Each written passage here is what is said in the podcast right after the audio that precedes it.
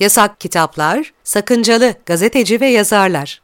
9 Şubat 2017 Gülten Sarı Sakıncalı çünkü diye başlayan polis tutanakları veya mahkeme kararları yasağı savunacak gerekçelerini her dönem buluyor.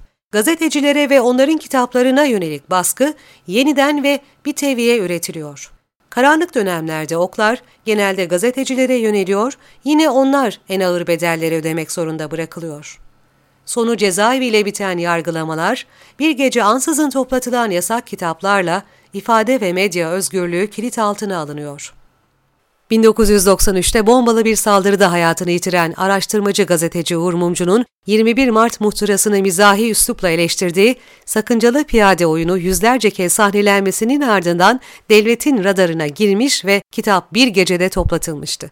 Ahmet Şık'ın İmamın Ordusu isimli daha taslak aşamasındaki kitabının 2011'de terör propagandası suçlamasıyla toplatılması iktidarın hem baskıcı yüzünü hem de gerçeklerin ortaya çıkmasından duyduğu korkuyu göz önüne sermesi bakımından mihenk taşı olarak nitelenebilir. Toplatma kararı yeterli görülmemiş olacak ki Şık bir de 375 gün hapis yattı. Cumhuriyet Gazetesi eski muhabiri İlhan Taşçı'nın hükümet ve İsmail Ağa cemaati arasındaki ilişki ağını kaleme aldığı Cübbeli Adalet kitabına dava açılması fazla sürmedi. 2011'de açılan dava reddedildi. Üç kitaplı tek davanın diğer ayaklarında gazeteciler Ali Dağlar ve İsmail Saymaz vardı. Hürriyette çalışan, daha sonra işini kaybeden Dağlar'ın Fethullah Gülen ve İsmail Ağa cemaatlerinin iktidarla olan ilişkilerini irdelediği A01 kitabı, dönemin radikal muhabiri Saymaz'ın Postmodern Cihat kitabıyla birlikte tek davanın konusu üç kitap olarak kayıtlara geçti.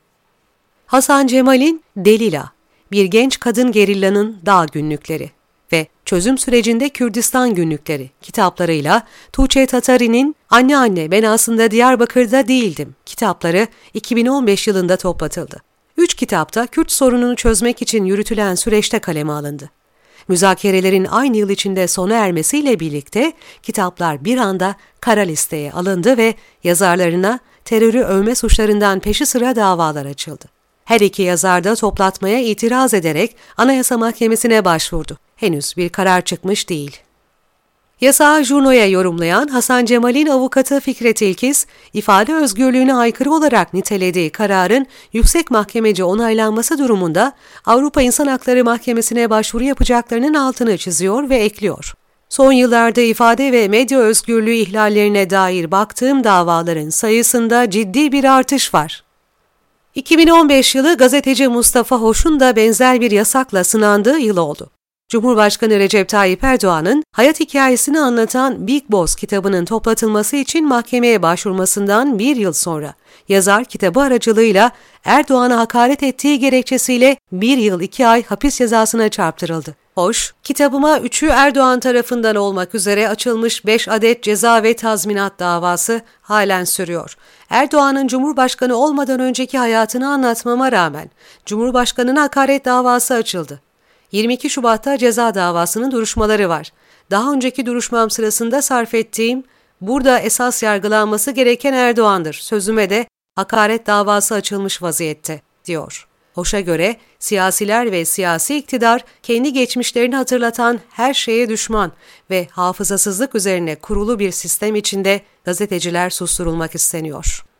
Bu paranoya halinin yakın dönem hedeflerinden biri de gazeteci Arzu Demir. 2014'te çıkan Dağın Kadın Hali ve Devrimin Rojava Hali kitapları hem yasaklandı hem de örgüt propagandası suçlamasıyla Demir'e dava açılarak toplam 6 yıl hapis verildi. Karar bu tür davalarda verilen en yüksek ceza olarak kayıtlara geçti. Arzu Demir, Mahkeme pişmanlık göstermediğim için yüksek ceza verdiğini söylüyor. Savunmalarımın da onları rahatsız ettiğini anlıyorum. Şimdi Yargıtay'a itiraz edeceğiz. Ancak bu siyasi atmosferde onaylanması ihtimali yüksek. Yorumu yapıyor. Dumanı tüten bir başka davaysa Sabahattin Önkibar'ınki. Yazarın Devlet Bahçeli ve Ülkücüler hakkında her şey kitabı raflara yerleştirildiği gün yani 27 Ocak'ta toplatıldı. Önkibar, Aynı gün kitabımın toplatılması için MHP lideri Devlet Bahçeli'nin avukatı harekete geçti. Ki kitabı görmediklerini kendileri söylüyor. Keza toplatılma kararını 28 Ocak öğle sonrası veren mahkemede kitabımı görmeden olumsuz bir şey olur kuşkusuyla yasakladığını kararında açıkladı. Tüm mesele soyut bir şüphe sözleriyle süreci açıklıyor. Toplatma kararının iptali için mahkemeye başvuran Ön Kibar, kitabın neden yasak olduğu sorusuna referandum sürecinde Bahçeli imaj olarak yara almasın diye yanıtını veriyor.